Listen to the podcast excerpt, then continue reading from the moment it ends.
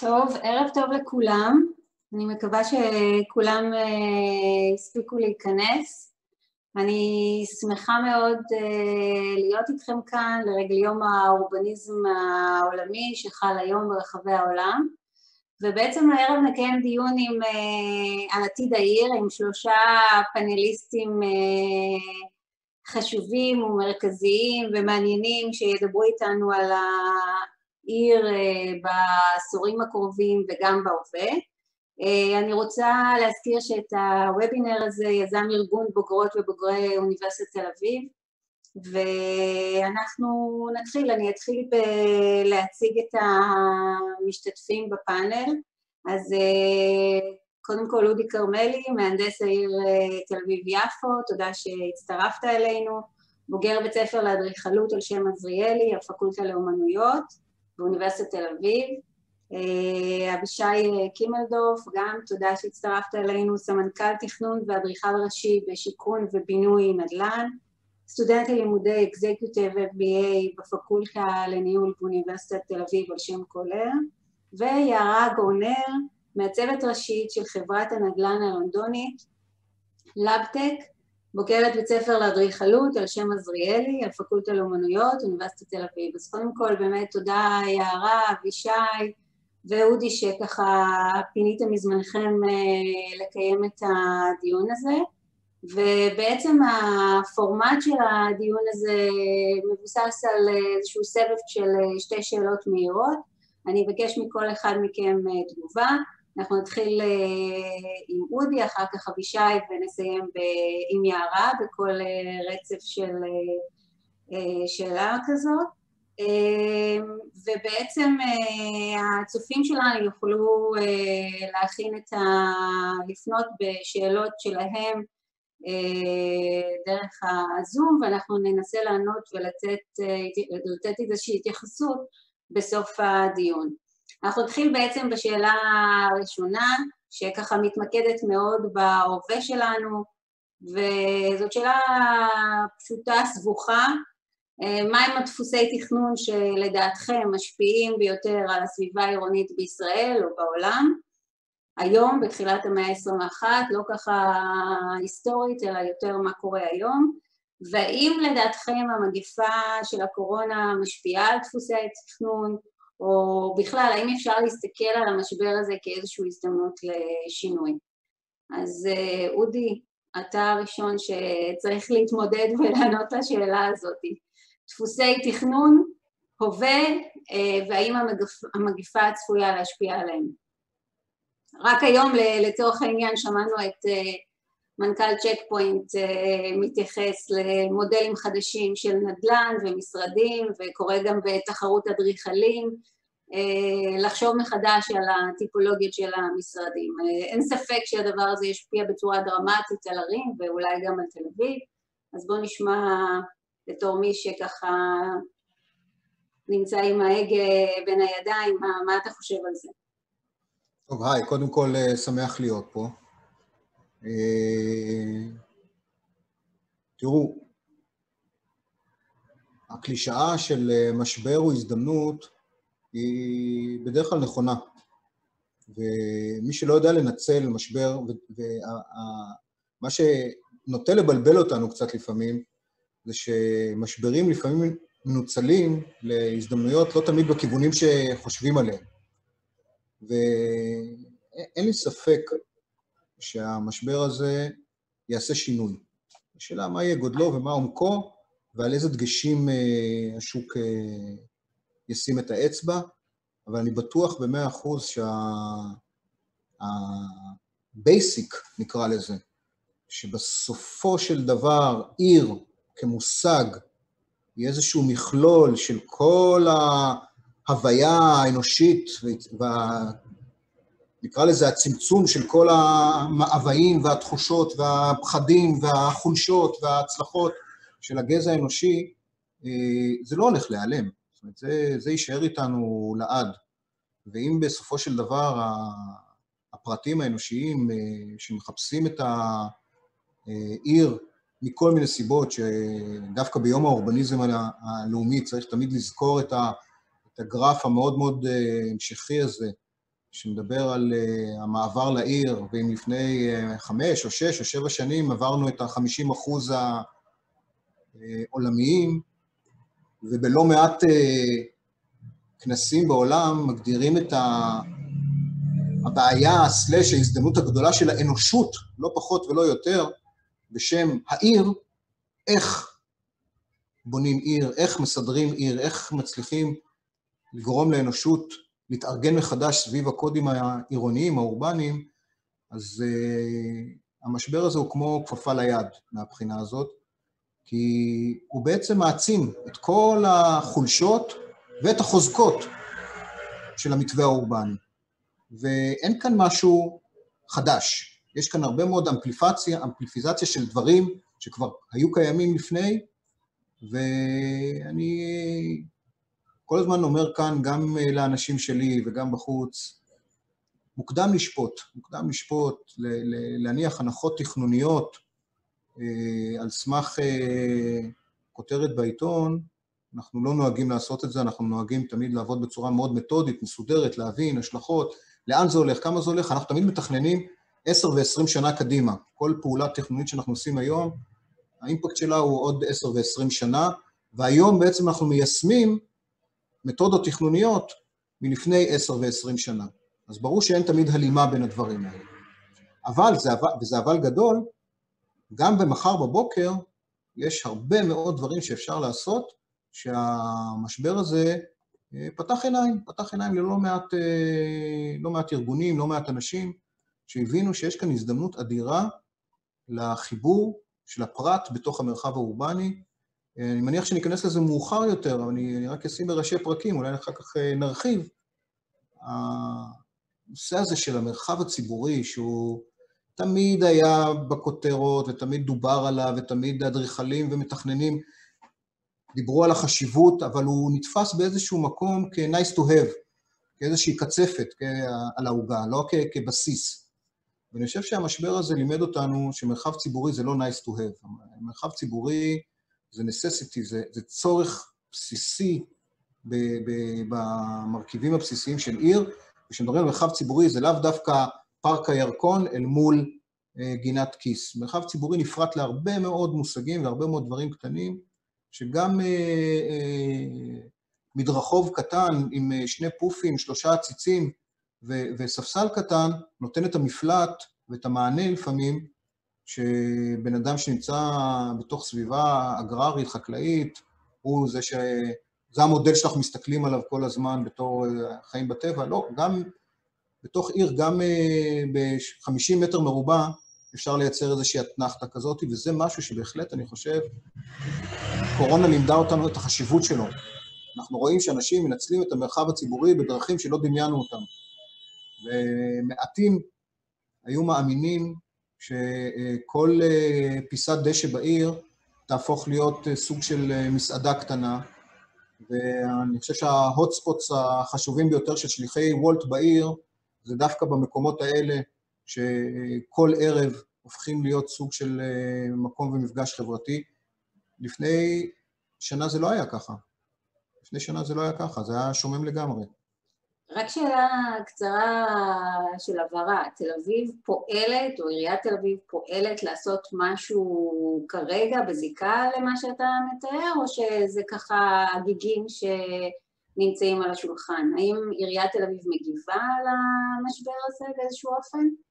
חד משמעית, רק בחודשים האחרונים, בעקבות הקורונה, הוספנו בין 12 ל-14 מדרחובים חדשים בעיר, שאני חושב שבלי הקורונה לא, לא היה לנו סיכוי אה, לעשות אותם בצורה כל כך מהירה.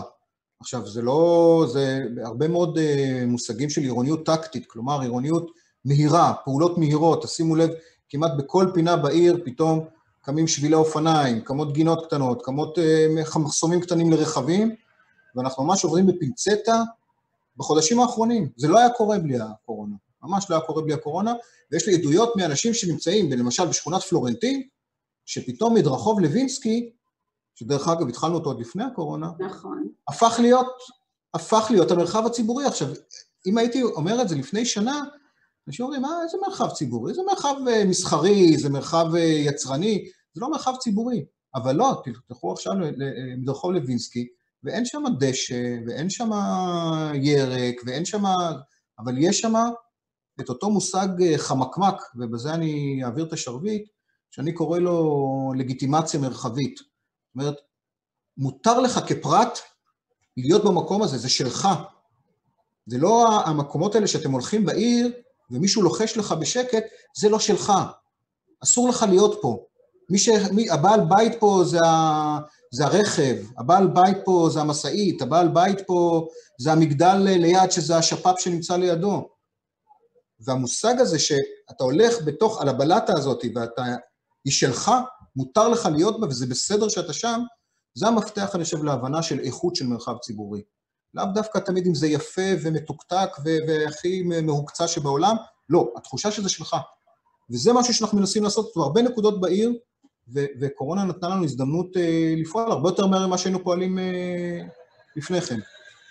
אוקיי, okay, תודה רבה אודי. אבישי, איך אתה רואה את הדברים? אני מאוד מזדהה עם הדברים שאודי ציין פה. אה, יש לי רקע אישי במגזר הציבורי, אבל אני מזה שש שנים במגזר הפרטי, ובית אה, חברות יזמיות נתקלות עכשיו בדילמות לא פשוטות אה, שהתקופה הזאת מייצרת להן, וצריכות להגיב. ו... וזה נכון שהתהליכים ארוכים, אנחנו עוד לא יודעים לאן זה יגיע, אבל יש כמה מושגים שהייתי רוצה לעמוד עליהם וכמה דוגמאות ספציפיות שברצוני לתת כדי להמחיש את הדילמות האלה, איך הן נראות בפועל. ואולי אנחנו עושים טעויות, ואולי אנחנו לוקחים צ'אנסים, אבל כנראה שזה העולם היזמי. אז קודם כל מושג אחד שלמדתי באוניברסיטת תל אביב נקרא זמישות, שזה שילוב של אה, זמינות וגמישות, ואנחנו צריכים אה, להיות הרבה יותר גמישים והרבה יותר זמינים, אה, גם למידע וגם אחד לשני, אפרופו מגזר ציבורי ומגזר פרטי, כדי להתמודד עם סביבת אי-הוודאות הזאת. אני רואה את זה בכמה מישורים. מישור אחד זה מישור התכנון. אנחנו מקדמים הרבה מאוד תוכניות לשכונות חדשות, בתל אביב, מחוץ לתל אביב. מושגים כמו עירוב שימושיים, אה, שאנחנו מדברים עליו הרבה מאוד שנים, מקבלים היום אה, ממש אה, רוקמים עור וגידים, כי עבודה קרוב לבית היא, היא, היא הפכה להיות ממושג עמום למושג אמיתי, עבודה מהבית. אה, הגינה הקטנה שליד הבית, שפעם אנשים פחות היו פוקדים אותה, או פוקדים אותה רק אה, מדי פעם כשהם חוזרים מהעבודה עם הילדים, הפכה להיות מרחב הפעילות המשמעותי של אה, הרבה מאוד אנשים במשך חודשים ארוכים. וכך בעצם אני רואה את הנושאים האלה משפיעים בכל מיני קנה מידה. אני יכול לתת דוגמה לתוכנית שאנחנו מקדמים היום דווקא מחוץ לתל אביב, באזור, באזור השרון, בכפר יונה, שכונה חדשה, ואנחנו תוך כדי גיבוש, גיבושה הסופי של התוכנית, עם ראש עיר חדשה שיש לה אה, אג'נדה הרבה יותר קהילתית, ואני מוצא את עצמי משלב בתוכנית דברים שפעם לא היינו עושים, כמו אזור תעסוקה קטן ומקומי, מסחר קרוב לבית, מבננים הרבה יותר אה, אה, אה, אה, גמישים, אה, עם גינות בקנה מידה שונים, אה, נושא המרחקים מהבית, אה, 100, 200, 500 מטר, מרחקי הליכה, ומה יש במרחקים האלה ואיזה רמת שירות אנחנו נותנים, היינו עושים את זה בעבר ברמה יותר uh, טכנית. היום אנחנו ממש מבינים את זה ככה מקרוב, מה המשמעות של זה לגבי תכנון, מה זה מרחק הליכה, מה, מה זה רדיוס שירות, מושגים שפעם היו עמומים, היום הם ממש uh, אמיתיים. ברמת הבניין, uh, תובנות הקורונה ברמה הכי בסיסית זה פשוט uh, מרחב פתוח. דירות גן, שפעם היו מוצר ככה שהלך ונעלם, הפך להיות הדבר הכי מבוקש היום, אני אומר את זה כאיש שעובד בחברת נדל"ן, אה, דירות מיוחדות עם מרפסות, אה, אנחנו מסיתים עכשיו בפרויקטים אמיתיים שעומדים לקראת בנייה, אה, מטרים עיקריים להגדלת מרפסות, כי זה מוצר שחזר להיות מאוד מאוד פופולרי. אנחנו הופכים דירות חמישה חדרים לדירות שישה חדרים, כדי לייצר חדר עבודה בבית. מוצר של שישה חדרים באזור, אה, באזור הטבעת הראשונה אה, מסביב לתל אביב, היה מוצר שכבר כמעט לא ייצרו אותו, כי אמרו שדירות ארבעה וחמישה זה מה שהציבור רוצה, אז לא. החדר השישי הוא חדר מאוד משמעותי בבואנו להתמודד עם, ה, עם האירוע הזה של הקורונה. אה, אני יכול לספר על פרויקט בחיפה, בקמפוס הנמל, שתכננו למכור בו את הדירות, והפכנו אותו תוך כדי תקופת הקורונה בכלל לפרויקט לדיור להשכרה. אנחנו משכירים דירות שהתכוונו למכור אה, בתוקף השעה, אה, ואת, ואת כל החללים, חללי, חללי המיגון הקומתיים, הממ"קים, מרחבי מיגון קומתיים, הפכנו, להיות, הפכנו אותם למרחבי פעילות, חדרי חוגים, אה, מטבח שיתופי, מטבח שף, אה, מועדון דיירים, חללי עבודה כאלה ואחרים, דברים שפחות היינו רגישים אליהם בתקופה שאנשים הסתובבו יותר בחוץ. אני חושב שהגמישות הזאת שהיזמים צריכים לגלות ומגלים אה, בתוקף השעה, אה, צריכה לבוא לידי ביטוי גם אה, בצד של הגופים שמאשרים את הפרויקטים האלה. כמו שאנחנו צריכים להגיב אליהם ולהתאים את עצמנו לצרכים, אני חושב שגם מוסדות התכנון יצטרכו להתאים את עצמם, אני חושב שמנסים לעשות את זה בדרך זו או אחרת, ואני חושב שזאת השעה של להיפתח, לעבוד ביחד ולחפש ביחד את הפתרונות לאנשים שצריכים אותם. אני רוצה שוב גם אליך שאלת המשך, כי באמת שמענו מאודי את הדגש על המרחב הציבורי, ואתה באמת לקחת את זה יותר לכיוון הפרויקטלי, וסיפרת איך הגבתם כבר, ועשיתם שינויים פרוגרמטיים ורעיונים לפרויקטים. ובאמת דיברת על השינויים הפרוגרמטיים, ודיברת גם על המבנה הדירתי והצרכים בדירות היום בקרב הצרכנים. אה, האם יש גם איזושהי חשיבה על שינוי טיפולוגי של השכונות עצמם, של המתחמים עצמם, או שמבחינת דפוסי תכנון זה נשאר קבוע, ובעצם השינויים שאתה מדבר עליהם בעיקר ברמה הפרוגרמטית ובעיקר ברמה של היחידת דיור עצמה? שינויים, טיפולוג... טיפולוגיים, ואמר את זה מהנדס העיר תל אביב קודם לכן, הם תהליכיים. אה, הם לוקחים זמן אה, וזמן העיבוד. אני כן יכול להגיד שאנחנו מחפשים. אנחנו חברה גדולה שעובדת אה, במגוון פרויקטים מאוד גדול בפריסה ארצית. החיפוש כבר החל, ואני מניח שהוא ייקח זמן, ולא כל דבר שאנחנו חושבים לעשות גם מתאים לתוכניות המאושרות היום. אני חושב שהחיפוש הזה אה, ייקח אותנו לכיוונים חדשים. אה, השפה הזאת של אה, מרקמים ומגדלים, עם ה... עם ה עם הניואנסים לכאן ולכאן, וכל כך הרבה נאמר ונכתב על הנושא הזה, אני חושב שהוא ישנה פניו אה, יותר לכיוון של רמת שירות, מושגים כמו קהילה, אה, מפגשים, חללים משותפים, אזורים מוגנים, אה, אזורי חוץ-פנים. אני חושב שאלה המושגים שיפתחו את הטיפולוגיות החדשות וייתנו, אני מניח, טוויסט לכולנו אני מניח בשנים הקרובות, זה ייקח זמן, אני חושב שאנחנו כבר שם. טוב, תודה אבישי ויערה. אה, גם את נדרשת לענות על השאלה הזאת מהפרספקטיבה שלך בלונדון, איך את רואה את הדפוסי תכנון, ובאמת אם הם אה, שונים מאוד מאיך שהדברים נראים כאן, איך אם בכלל יש שם איזושהי תגובה על הנושא של המגפה והמשבר. אמ, אז קודם כל תודה רבה שהזמנתם אותי, זה מאוד מרגש להשתתף בפאנל. אמ, אז בהחלט, אמ, לשאלתך, אני בעצם תהיתי מה הערך המוסף שאני יכולה לתת, להביא לדיון, מאחר ואני אשמח להצטנע שמשתתפי הפאנל הרבה יותר בקיאים ממני בעולמות התכנון העירוני. וכן זמן רב גם אני הייתי חלק מה... מהשוק בעצם העבודה והתכנון בארץ, ואני באמת יכולה לתת את החוויה היותר מהתכנון בלונדון. אה, ואני אנסה לייצג בעצם את נקודת מבט של כוחות השוק, של המגזר הפרטי, וכן אה, יזמי הנדל"ן. יש תחושה גם בלונדון, כמו שרובם כאילו, אה, אמרתם לפניי, של תחושה של בלבול מאוד מרובה. כולם מנסים לתת מחשבות והשערות וספקולציות על לאן הרוח נושבת. לפעמים כשיש בלבול יש את הקופאים מלכת ולא רוצים לעשות שם סיכון, אבל בעצם המצליחים הם דווקא אלה שהם עם חשיבה יצירתית מאוד מהירה ומנסים להתחיל ולהבין אלה מגמות אפשר לזהות ואיך אנחנו יכולים לעשות אדפטציה לחללים שלנו כך שיתאימו למצב הנוכחי וכן יתאימו אה, לאחר מכן ואיזה שיקולים עסקיים אפשר לקחת. אמ, עירוב שימושים הוא בעצם מונח שגוף ורווח משאני למדתי באוניברסיטה, אני בטוחה שגם לפני, אה, בפני כל אדריכל ומתכנן ערים בשנים האחרונות. מרחב חיים ותכנון עירוני המקדם בריאות ורווחה היה מניע מרכזי לפני הקורונה, גם בלונדון מבחינת בריאות הוא הונף הדגל לגבי זה, זה היה דבר שהוביל כל, כל מתכנן. למעשה, אבל זה פתאום קיבל משנה תוקף מאוד מאוד מרכזי מהמציאות, של בעצם יצירת ערים בריאות בשילוב של גישות כלכלה חברתיות מקבלות משמעות חזקה יותר.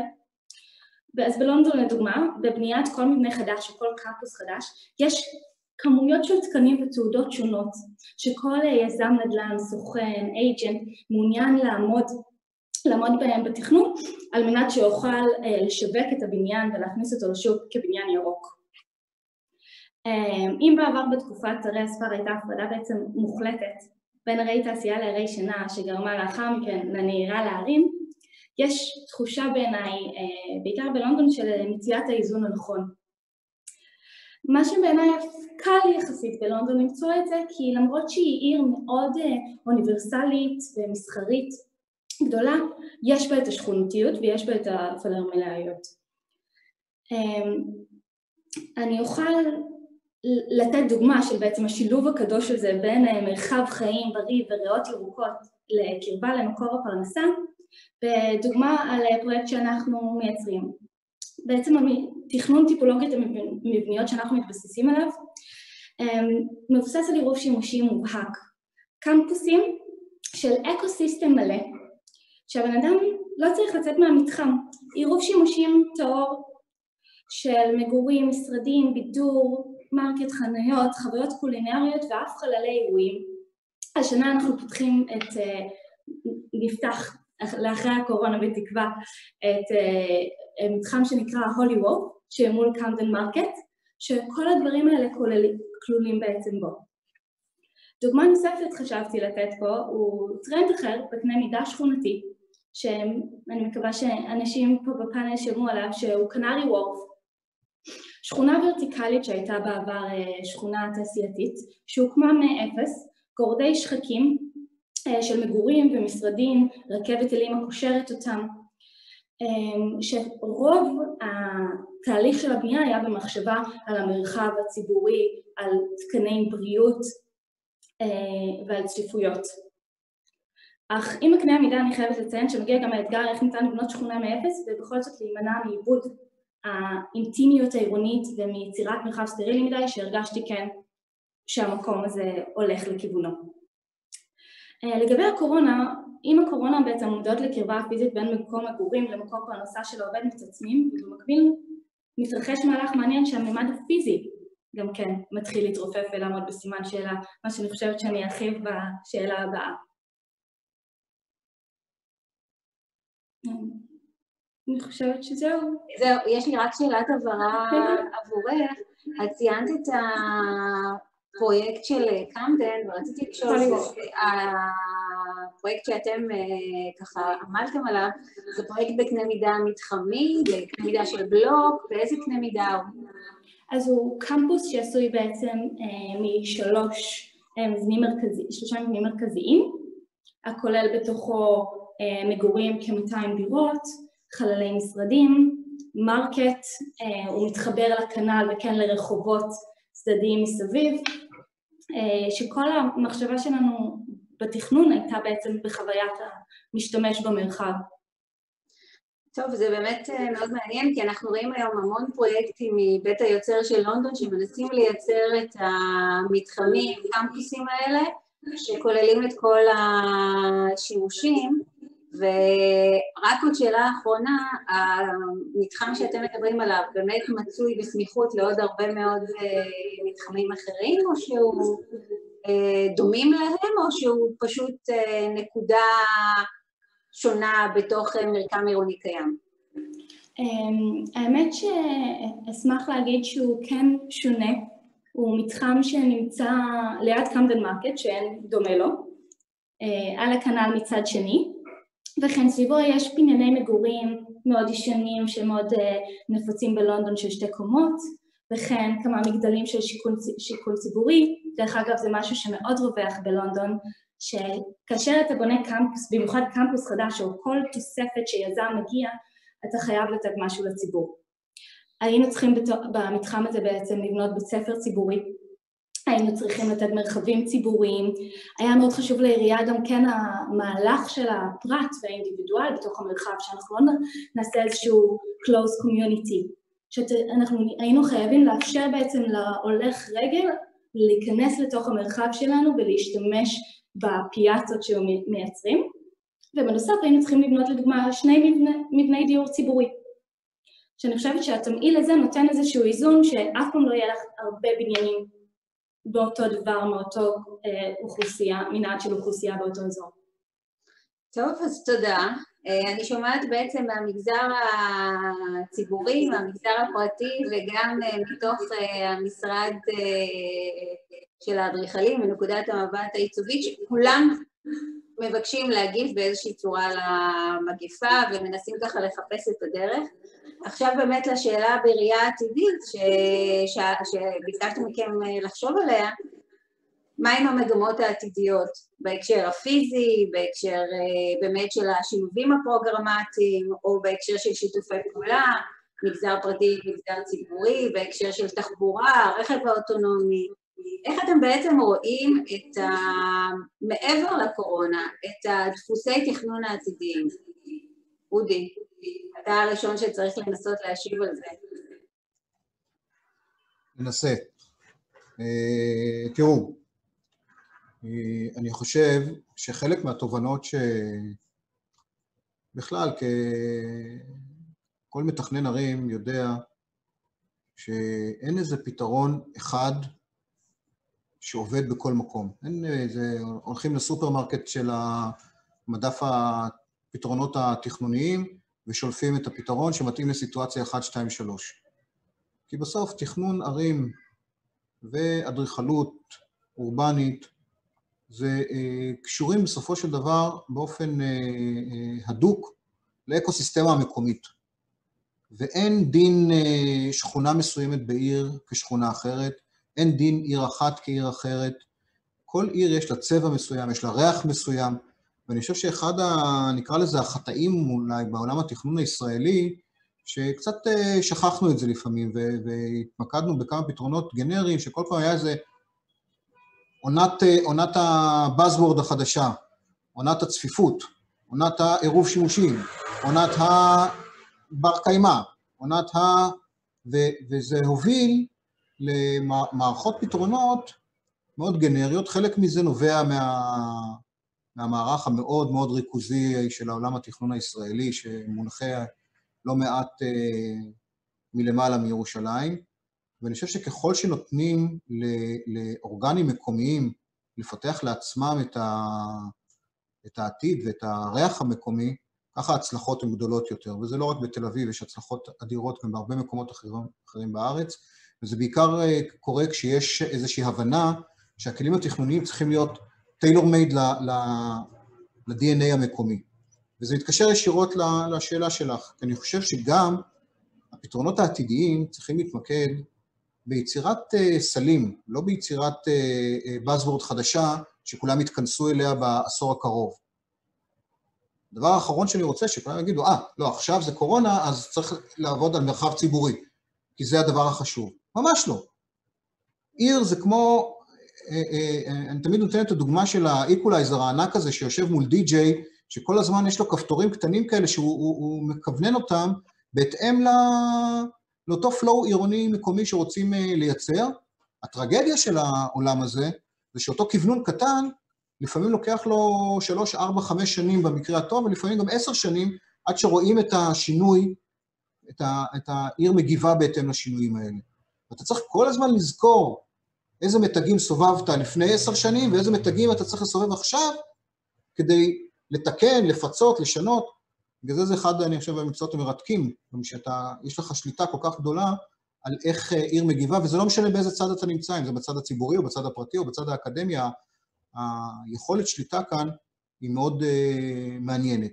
והפתרונות העתידיים, הם, זה בדיוק אותו דבר. זאת אומרת, לבוא ולהגיד היום, לא צריך יותר שטחים uh, uh, תעסוקה, כולם יעבדו מהבית. Uh, uh, uh, כל דירה צריכה מרחב עבודה מהבית.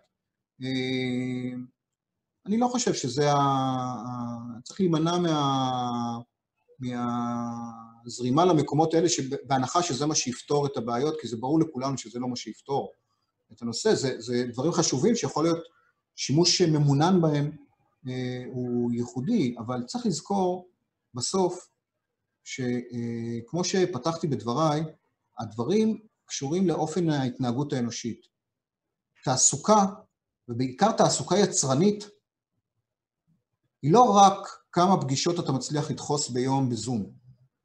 תעסוקה יצרנית זה הרבה מאוד עניין של וייב, של הפריה הדדית, של מקום של שיח, של כולה, כל מי שעומד בעולם הקורפורט יודע שלפעמים המסדרון הוא, הוא אה, מרחב, מרחב ההמצאה החשוב ביותר, יותר מאשר חדר הישיבות ויותר מאשר אה, הרבה מאוד מאמרים אקדמיים. זאת אומרת, הנושא הזה של כימיה בין אנשים והפריה הדדית בין אנשים, היא זו שתמשיך להוביל את האנושות קדימה, היא זו שתמשיך להוביל את, ה, את העירוניות קדימה, והיא זו שתמשיך לגרום לאנשים לרצות להיות בתוך המקומות האלה. הרי מה זו עיר בסופו של דבר, ומה, ו, ואיך אדם בוחר את מיקומו בעיר? זו אותה נקודת אה, אה, מגוז שאתה בוחר לשים לעצמך באיזה מנעד חברתי אתה רוצה להיות, לאיזה מנעד חברתי אתה, אתה משתייך, ומי ה... כמה אתה רוצה שיהיו רפרנס uh, פוינטס uh, uh, שונים מסביבך.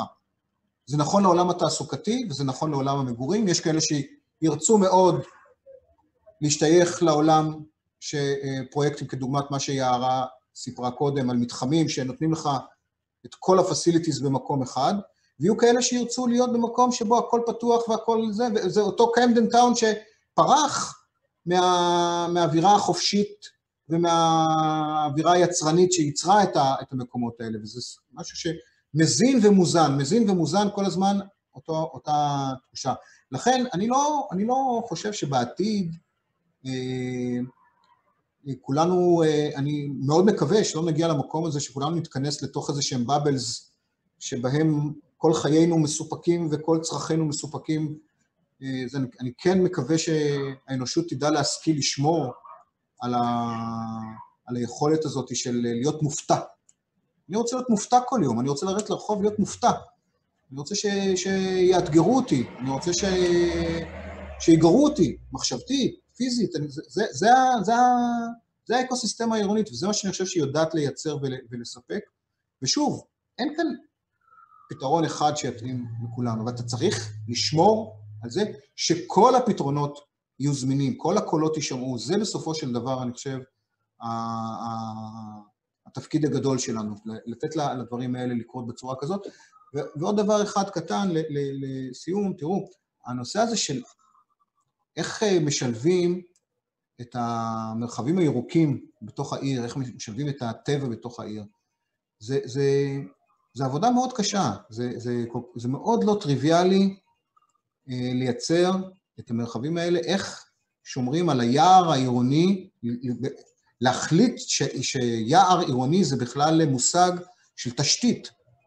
וכשאנחנו בעיר, ברור לנו שמדברים על כבישים ועל רמזורים ועל מדרכות כעל תשתית ברורה מאליה. האם העצים והיער העירוני זה גם כן תשתית כזו? היא גם כן תשתית ש... ואני אומר שחד משמעית כן, ולכן אותן הנחות ש, שדווקא הקורונה דוחקת אותנו אליהם, גורמת לנו להכיר בזה שאי אפשר לוותר על הדברים האלה. ופעם אה, כשנכנסת לפרויקט, הנושא של העצים שהיו בתוך הפרויקט היו איזה קושי, זה היה קושי, זה לא היה יתרון. הסוויץ' הזה שהערים עשו, לפחות גם בתל אביב וגם ערים אחרות, בהבנה מה משמעותו של עץ בוגר בתוך אה, מרחב עירוני, אני חושב שזו דוגמה לאיך אה, בגרות אה, תכנונית יכולה לקבל את, הצורה שבה אנחנו קוראים עיר מחדש. וזו דוגמה לאיך, למה קורונה בעצם כן יכולה להביא אותנו למקומות חדשים ומפתיעים מצד אחד, ומצד שני לא לשכוח את ה basic, בסופו של דבר. מי, מי אנחנו רוצים להיות, איזה, איזה סוג של אנושות אנחנו רוצים להיות בתוך הערים האלה. טוב, אודי ענית לנו עם אה, תשובה מאוד טקטית, כן? איך אתה ניגש לשאלה הזאת, אבל בכל זאת אני רוצה ללחוץ אותך ולהגיד, אנחנו יודעים שיש משבר עם המסחר הקמעונאי, הקורונה האיצה את זה, אבל זה כבר התחיל לפני זה. אנחנו רואים את השינויים בצריכה ובכל מה שקשור לנדל"ן ושל משרדים וכן הלאה. אנחנו יודעים שעולם התעסוקה משתנה. אנחנו מבינים שאולי צפויה להיות הגירה שלילית מערים גדולות לכיוון הפריפריה. כל הדברים האלה נמצאים על השולחן והם עשויים להשפיע בצורה מאוד מאוד דרמטית.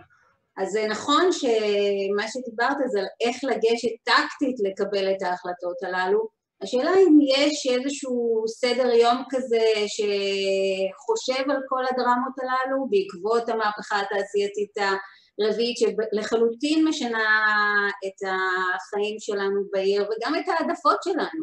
יכול להיות שאנחנו בכלל נמצאים בגל אה, חדש, אם בשנות ה-80 הייתה חזרה לעיר, נכון? ועיריית תל אביב הצליחה למנוע את ההגירה השלילית ב-77 ולהחזיר את התושבים. יכול להיות שאנחנו נמצאים עכשיו בגל ההפוך, בגל השני, החוצה מהעיר.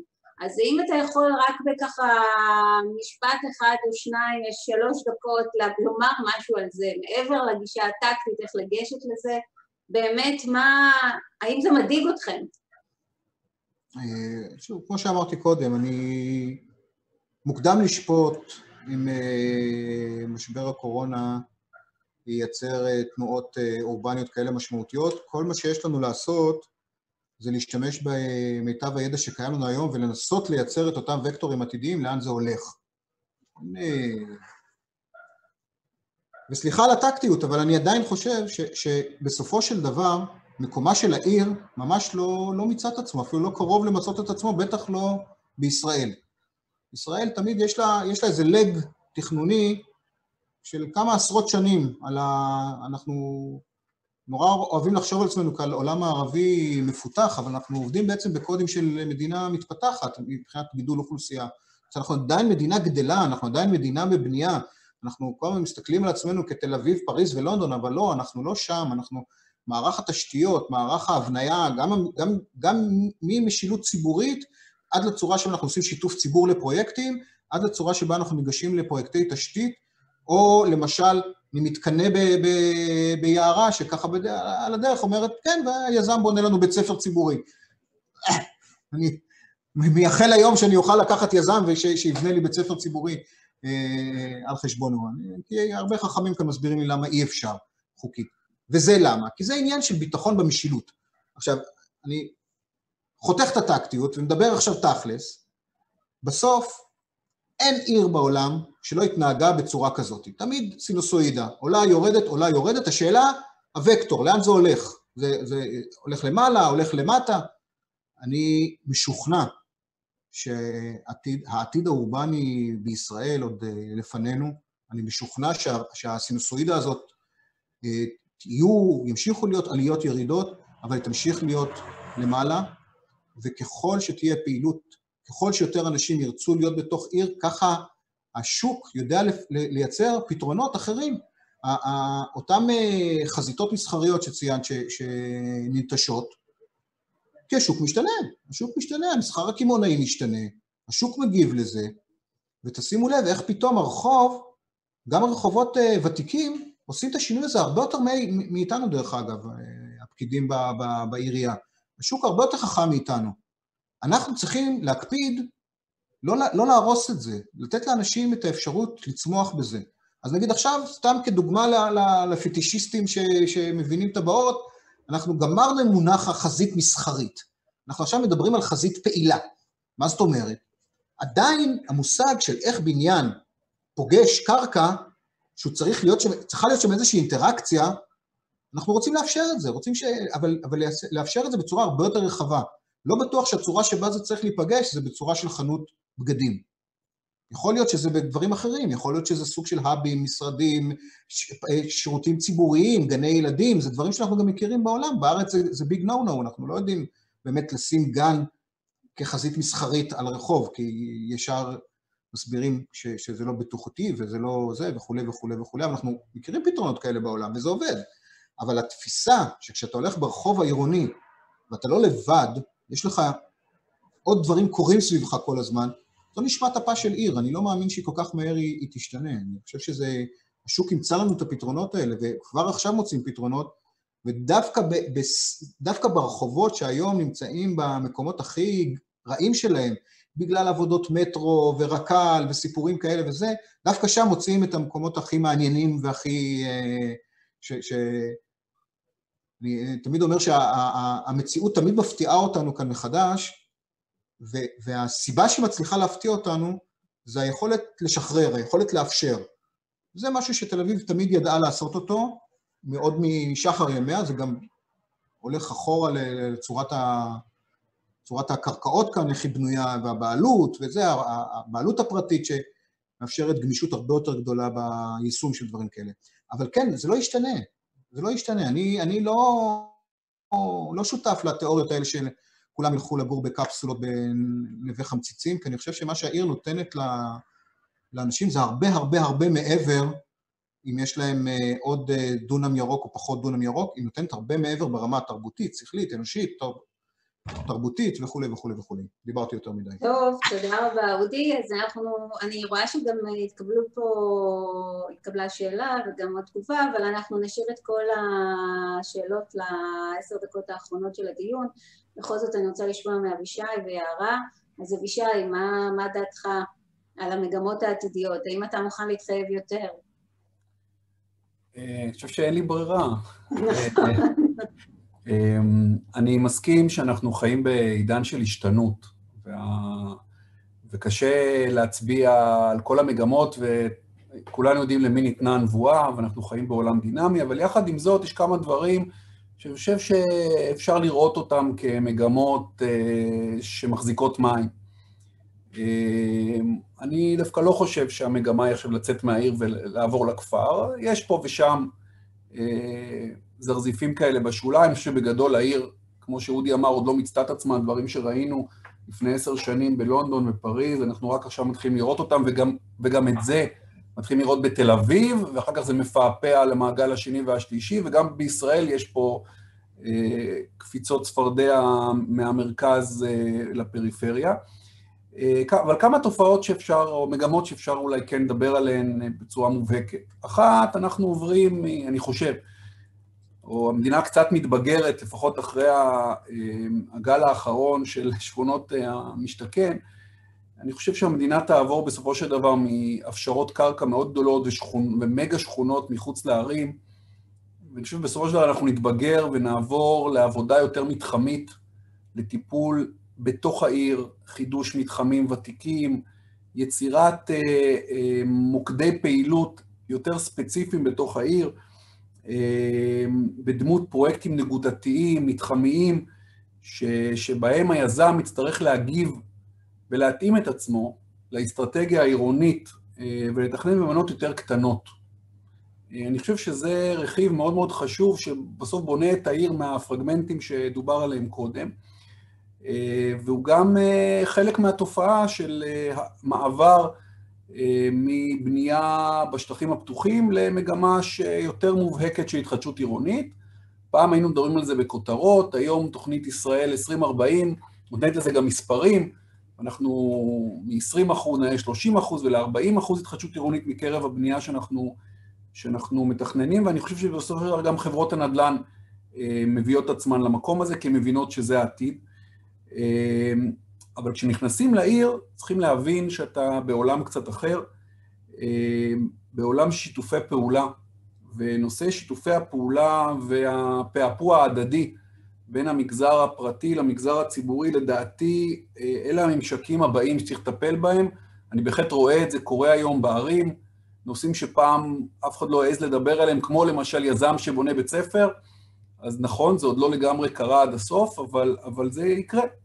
אנחנו בהחלט רואים היום שימושים ציבוריים שנכנסים לתוך הקרקע הפרטית ולתוך הפרויקטים הפרטיים.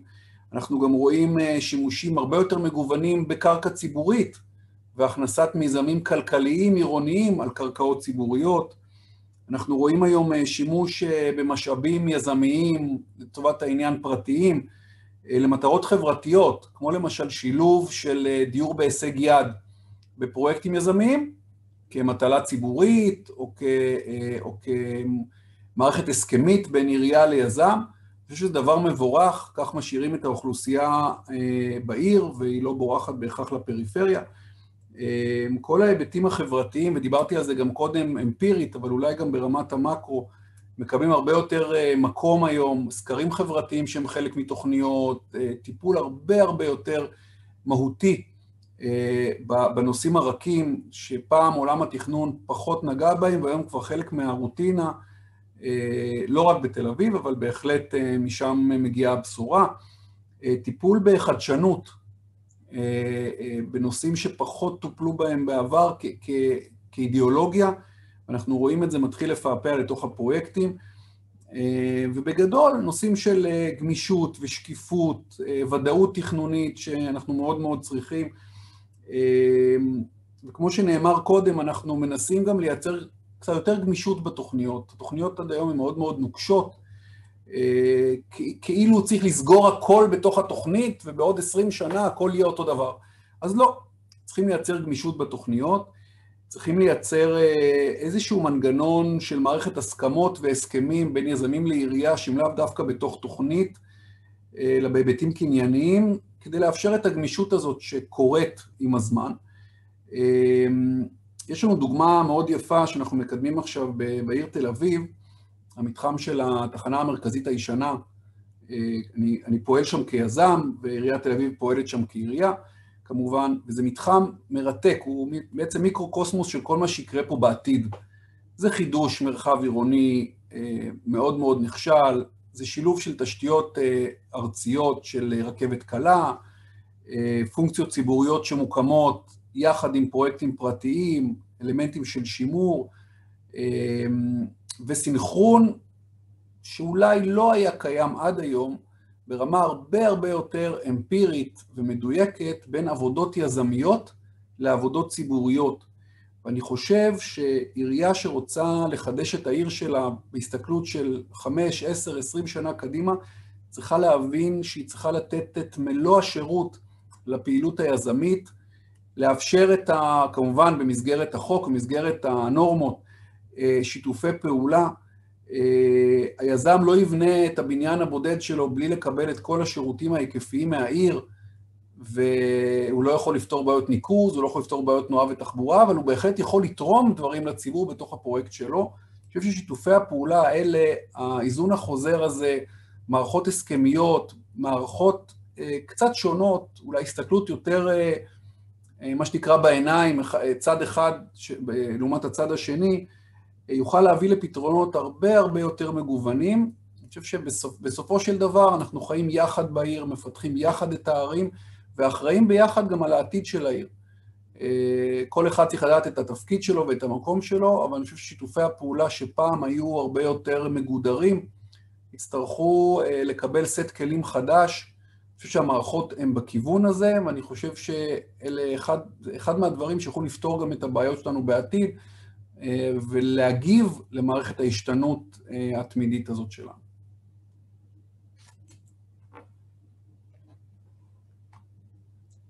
תודה, אבישי. הצבת פה רף מאוד מאוד גבוה לבנות מערכות שיתופי פעולה והסכמים גמישים ויצירתיים מהסוג הזה. אני אשמח לשמוע עליהם ולראות כשתצליח באמת תספר לנו. אנחנו כבר מצליחים, אגב. מצליחים? בסדר. זה קיים, זה קיים. אודי יכול להעיד על זה, לא פשוט. כבר עובד, כבר עובד. אבל זה עובד, אבל עוד פעם, זה עניין של, בסוף זה אנשים, ובסוף זה מערכות יחסים מקצועיות, ובסופו של דבר צריך גם למצוא את ה... באמת את שיתופי, את מצב הווין ווין שלנו, שכל צד בעצם יודע איפה הוא נמצא ולאן הוא הולך. זה לא פשוט, אבל ככל שזה קורה יותר ויש יותר רפרנסים, אני חושב שבסופו של דבר נצליח יותר. כולנו, ביחד. תודה. יערה?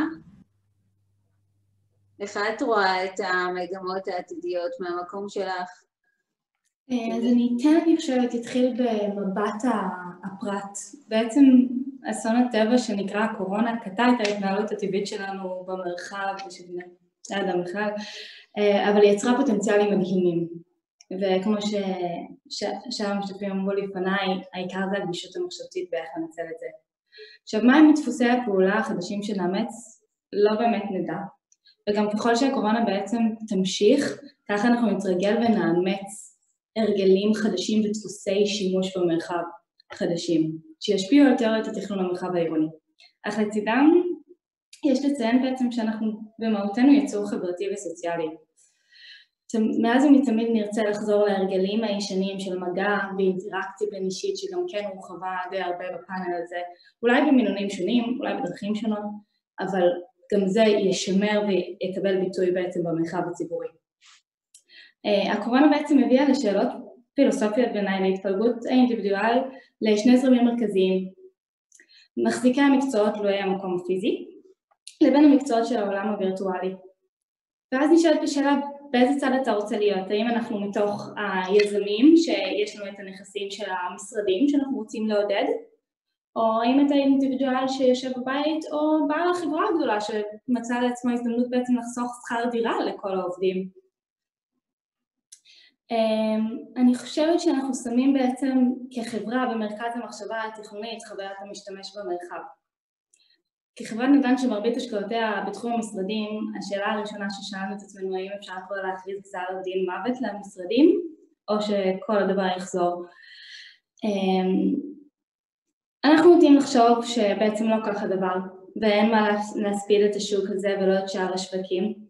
הביקוש והצורך יישארו אך בעצם יקבלו תמורות כמו שאמרתם אנחנו משערים שבאופן שבו אנחנו מתחילים לעשות אדפטציה בעצם לחללים שלנו באופן ה marketing והשיווק אמ, זה שלמעשה הביקוש והצורך יישארו, הצפיפות החללים תרד ביחס לכמות האנשים במרחב ליצירת חללי עבודה בריא יותר. אנחנו שמים דגש מאוד על כמות אוויר וחמצן ומרחב ירוק, חלונות. החשיבות של שולחן לכל עובד אמנם תיעלם, ובמקומה יתפוס מקום מרחבי עבודה גמישים עם דגש לעידוד אינטראקציה בין אישית, תקשורת רנדומלית, קשירת קשרים בין אישיים חדשים, שלא ניתן לרקום את כל הדברים האלה דרך המסך הווירטואלי.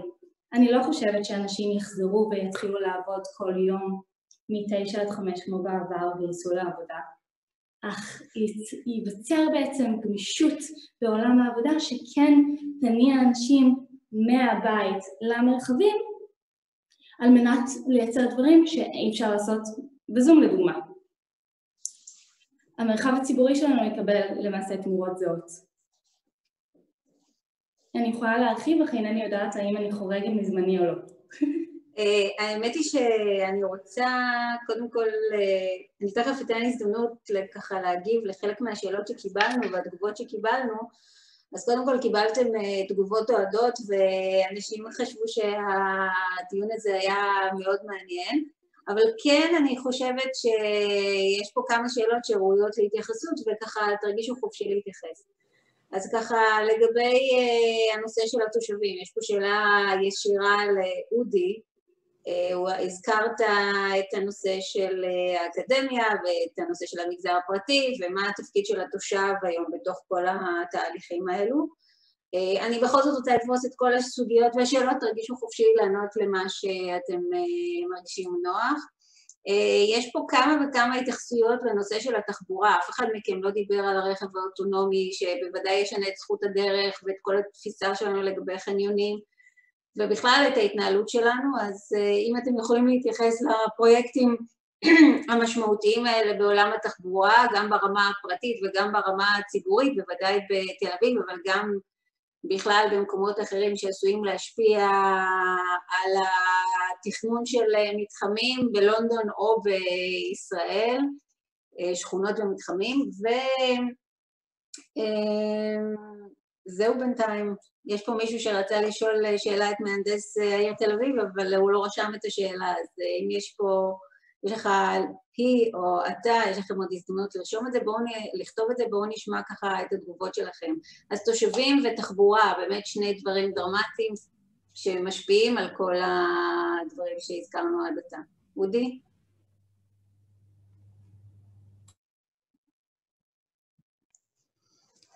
כן, אה, תראו, תושבים זה, זה נשמת אפנו, זאת אומרת, אנחנו בסופו של דבר, אה, התושבים הם אלה שמייצרים את העתיד. עכשיו, זה תמיד, אה, יש קונפליקט כאילו בין הממסד לתושבים. ואני חושב שמה שלפחות אנחנו מנסים לעשות בשנים האחרונות זה לנתק את הדיכוטומיה הזאת ותמיד את המושג הזה של שיתוף ציבור. שיתוף ציבור הוא מושג מאוד אה, אנכרוניסטי בעיניי, מאוד פטרוני. זאת אומרת, אני משתף אותך ואתה משתתף או לא משתתף. אני חושב שמה שתל אביב מנסה לעשות, וזה שוב לא, לא משהו אה, בלתי אה, ידוע בעולם המקצועי, כבר נעשה בלא מעט מקומות בעולם, זה להבין את כוחה של קהילה, ולעבור מהמושג של שיתוף ציבור למושג של מעורבות אזרחית. עכשיו, יש בזה הבדל גדול מאוד אה, בין המצב שבו אה, עולה סוגיה נקודתית ושואלים אותך, אתה בעד זה או בעד זה? או מה אתה אומר על... לעומת הקונספט שאומר, בוא נייצר קהילה שבוחרת ויש לה כלים להיות מעורבת, מבינה שיקולים, מבינה מבט רחב, יודעת להגיב במקומות אה, רחבים יותר ולעודד את היצירה שלה. עכשיו, מה שלפחות קורה בתל אביב זה שהמושג הקהילתי קיבל דגש אדיר בשנים האחרונות, כל המרחבים הקהילתיים, כל הבנייה, גם, גם בתוך העירייה עצמה נעשה שיפט גדול מאוד של דגש גדול מאוד על, על הנושא של אה, אזורי קהילה, וכל אחד, איך תופרים לו חליפה מסוימת של פתרונות שהם לאו דווקא הדברים הגנריים, מתקשר למה שאמרתי קודם, כל קהילה בעיר יש לה את הצרכים שלה ואת הפתרונות שלה, וגם את העמדה התכנונית שלה. תושבים בפלורנטין לא חושבים אותו דבר כמו תושבים בנווה שרת או באפקה. זאת אומרת, כל אחד מהם חשובים לו דברים אחרים, יש לו רצונות אחרים, נמצא במקום שבו הוא נמצא מסיבות אחרות. והיכולת לייצר קול קהילתי כזה, ושאפשר לדבר איתו, אני לפחות מרגיש התקדמות עצומה בנושא הזה. יש לנו היום הרבה מאוד reference points בכל קהילה, אה, לשאוב מהם מה הדברים שבאמת חשובים ומה הדברים שבאמת נכונים לכל קהילה, ויש גם הרבה קונפליקטים, המון קונפליקטים, הנושא הנימביאלי נקרא לו, החוזר על עצמו אה, כמו textbook בהרבה מקומות שבהם אתה עושה משהו שהוא, לא תמיד אנשים רוצים לראות אותו ליד הבית שלהם, והמחאות הציבוריות שנובעות מזה, הם, אה, אני, אני רואה בזה כ, כ, כסוג של כישלון שלנו. אם הגעת למצב שבו אתה שם תשתית ציבורית משמעותית, והתושבים לא מבינים את, ה, את הצורך בדבר כזה, למרות שזה לא הכי כיף שבונים לך אה, בית ספר מתחת לחלון של הבית, אבל אין ברירה, צריך לעשות את זה. אה, אז זה מייצר, פה אנחנו, פה אנחנו צריכים להשתפר, פה אנחנו צריכים לייצר שיח שהוא יותר, שמחזק את המעורבות האזרחית הזאת, לייצר שיח שהוא, נקרא לזה, יודע לגעת בדברים החשובים באמת ולא בכותרות ובסיסמאות, שזה מאוד קל אה, לאנשי מקצוע לבטל עמדות אה, ציבוריות כאלה, ואני אה, מאוד נזהר מזה. אני חושב שהחוכמה בסופו של דבר, חוכמת הרחוב, וכמו שאמרתי קודם, שהעסקים והיזמים הם אלה שאנחנו צריכים לדעת לתת להם לאפשר את הדברים, בדיוק אותה גישה לגבי תושבים. הם אלה שבסופו של דבר צריכים לקבוע את עתיד העיר, הם אלה שבסופו של דבר צריכים לשים את האצבע למקומות הנכונים, מה, מה ידחוף את העיר לכיוונים האלה. אני חייב להגיד שאני לפחות בשנים האחרונות רואה התפתחות עצומה בנושא הזה, יש אנשים שמבינים, משפיעים, גם אנשי מקצוע וגם אנשים שהם לא אנשי מקצוע, וזה ניכר, ניכר בצורה גדולה מאוד. ולעניין התחבורתי, אני יודע שזמננו קצר, אני אוסיף רק כמה מילים. תראו, זה... זה... אה, יערה תעיד על זה, אני הזמן משתמש בדוגמה הזאת, כשאתה מסתובב ברחובות לונדון ורואה משרדים של, אה, משרדי תיווך, אז על, על הפתקים של ה... שנמצאים על החלון ראווה, יש תמונה יפה של אותה דירה או של אותו בית, ובכותרת למעלה לא כתוב המחיר בהכי גדול, לא כתוב זה, כתוב כמה דקות מתחנת מטרו. וליד איזה קו. זאת אומרת שיקולי המיקום של אנשים בתוך המרחב העירוני נגזרים בצורה משמעותית מאוד מהמרחק לתחבורה ציבורית ונוחות השימוש בה. אני עוד לא ראיתי מודעת תיווך בישראל שאומרת אה, עשר דקות מקו 55. זאת אומרת, עדיין אה, היכולת להתמקם במרחב כתלות בשירותי תחבורה ציבורית עדיין לא מפותחת אצלנו. זה הולך לשם. עכשיו, גם בתל אביב וגם בהרבה מקומות אחרים, כמות עבודות התשתיות היא אדירה, היא מעולם לא הייתה כזאת עבודת, כאלה עבודות תשתית אה, בתל אביב בכלל, אני יכול להעיד על זה. הזקנה בת המאה ועשר ממש אה, אה, משתפצת, לא צריך להבין גדול בתוכניות, פשוט צריך לקחת את האוטו ולהסתובב ברחובות העיר, אין כמעט רחוב שאין בו איזושהי עבודת תשתית משמעותית, זה דבר שמעולם לא קרה בתל אביב בהיקף כזה, ובחמש שנים הקרובות הולך להיות הרבה מאוד עבודות תשתית, שבאמת ישימו את העיר במקום שהוא כולו, קודם כל, מוכוון תחבורה. המון פרויקטי תחבורה, והאקומולציה שלהם היא בלתי נתפסת. זה לא רק מטרו ורק"ל שזה תופס את הכותרות, זה הרבה דברים קטנים. נושא של אופנידן ותחבורת אופניים ומהיר לעיר ונת"צים וכל העבודות האלה, החיבור שלהם בסופו של דבר הוא סביב תחבורה. אנחנו בעוד עשור נדבר תחבורה אחרת לגמרי ממה שאנחנו מדברים היום. אין לי ספק בזה. והעיר תיערך מחדש, גם בצורה מרחבית. וזו הבשורה הגדולה, אני חושב, של התקופה הזאת. של עולם תחבורה שמשתנה לנו, כולנו יודעים איך זה נראה בחו"ל, אבל אנחנו עוד לא באמת הטמענו את זה כאן ב-DNA המקומי. וזה, אני חושב, האתגר החינוכי הגדול שהעיר צריכה לעבור בשנים הקרובות. תודה, אודי. אבישי? אני רוצה להוסיף לגבי הנקודה של, של התחבורה הציבורית העתידית, או מערכת הסעת המונים, ולגלות סוד קטן. יש לי מאחוריי רקע של, של הכנס הזה באוניברסיטת תל אביב, אבל אם הייתי מכבה אותו, הייתם רואים שמה שתלוי לי במשרד, ואני סמנכ"ל תכנון בתפקיד, זה את מערכת הסעת המונים והתחבורה הציבורית של מדינת ישראל, פוסטר ענק, כי בסופו של דבר זאת מפת הנדל"ן העתידית.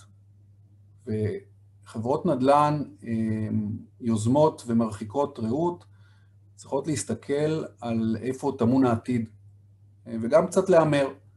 ומה שאנחנו עושים זה בעצם מאתרים היום את הפרויקטים העתידיים שנראים היום כמו איזושהי פינה חשובה יותר או חשובה פחות בעיר כלשהי במדינת ישראל, ובעתיד, בעוד עשר שנים, בעוד עשרים שנה, בעוד שלושים שנה, תהיה שם מערכת הסעת המונים עם תחנה, וליד התחנה על אותו מגרש פנוי ומיעוט מיעוט, מיעוט זכויות יקבל העצמה, ויהיה בו מרכז עירוני שוקק חיים, וברדיוס קטן ממנו יהיו גם פרויקטים חדשים של מגורים, מסחר ותעסוקה. בסופו של דבר אנחנו סוג של ממציאים את המדינה מחדש באמצעות המערכות הללו, וככל שהן תקרנה, גם העולם שלנו ישתנה.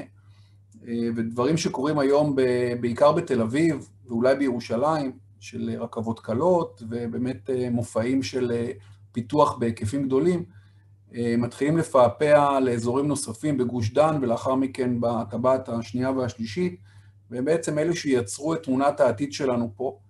ואני חושב שלקרוא את תמונת העתיד, כמו שאמרתי קודם, זה מאוד קשה ומאתגר, ואולי גם לא קצת יומרני, אבל בסופו של דבר את זה אנחנו צריכים לעשות, כי הקרקעות שאנחנו קונים היום, נפתח אותן בעוד עשר ועשרים שנה, לאחר שנתכנן אותן, והן העתיד שלנו. בהקשר של נושא הקהילה והחברה, הנושאים האלה מגיעים בהחלט גם לעולם היזמי. הרבה מאוד עיסוק היום בשיתוף ציבור, ולאחרונה יצא לי גם לקחת חלק בסוגיה של תכנון משתף. זה לא שיתוף ציבור שבו אתה מראה, כמו שנאמר קודם, כמו שאודי נתן דוגמה קודם, אתה מראה לציבור איזושהי תוכנית נקודתית ושואל את דעתו, ועושה קצת fine-tuning. היום אנחנו עוסקים הרבה יותר בתכנון משתף קהילה, גם כיזמים. ואנחנו בעצם נותנים הרבה יותר מנדט לסביבה שלנו, לשכנים, לבעלי הקרקע, לבעלי העניין השונים, הרבה יותר מנדט להיות שותפים בתהליך, מתוך הבנה שהשיתוף הזה יוביל אותנו לתוצאות יותר טובות, לפחות התנגדויות, להרבה יותר שיתופי פעולה, ואני חושב שהסט הכלים גם בתחום הזה היום הרבה יותר מגוון, ולדעתי הוא יתגוון לו יותר גם בעתיד. עד כאן. תודה, תודה אבישי, ויערה, ככה, מה, איך את רואה את זה? כמה מילים אה, אחרונות לסיכום הפאנל שלנו? אז אוסיף לנקודה של אודי לגבי הרכבות בלונדון, אנקדוטה נוספת, שכשבאים לבנות בניין בלונדון או אפילו לעשות fit out של משרדים, אין צורך לדבר בכלל על חניות, אין כזה דבר שצריך לספק חניה, אבל כן צריך לספק כמות אסטרונומית של מקלחות ו changing room ו lockers וחנויות אופניים. עיריית לונדון כיום מנסה כמה שיותר לחזק אה, את השימוש לא רק במטרו ובאוטובוסים שזה כבר קיים, אלא שימוש במרחב הציבורי במסלולי אופניים. מה שבשבילי זה תעלומה, כי מבחינתי שבאה מתל אביב, איך אפשר לרכב על אופניים בגשם, שלונדון רוב הזמן היא גשומה, אבל הם לגמרי עושים את זה.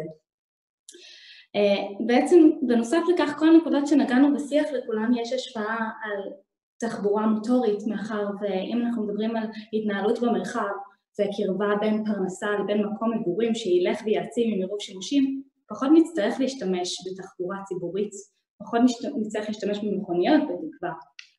אה, אז אני חושבת שגם על זה יהיה תמורות בעצם במרחב הציבורי.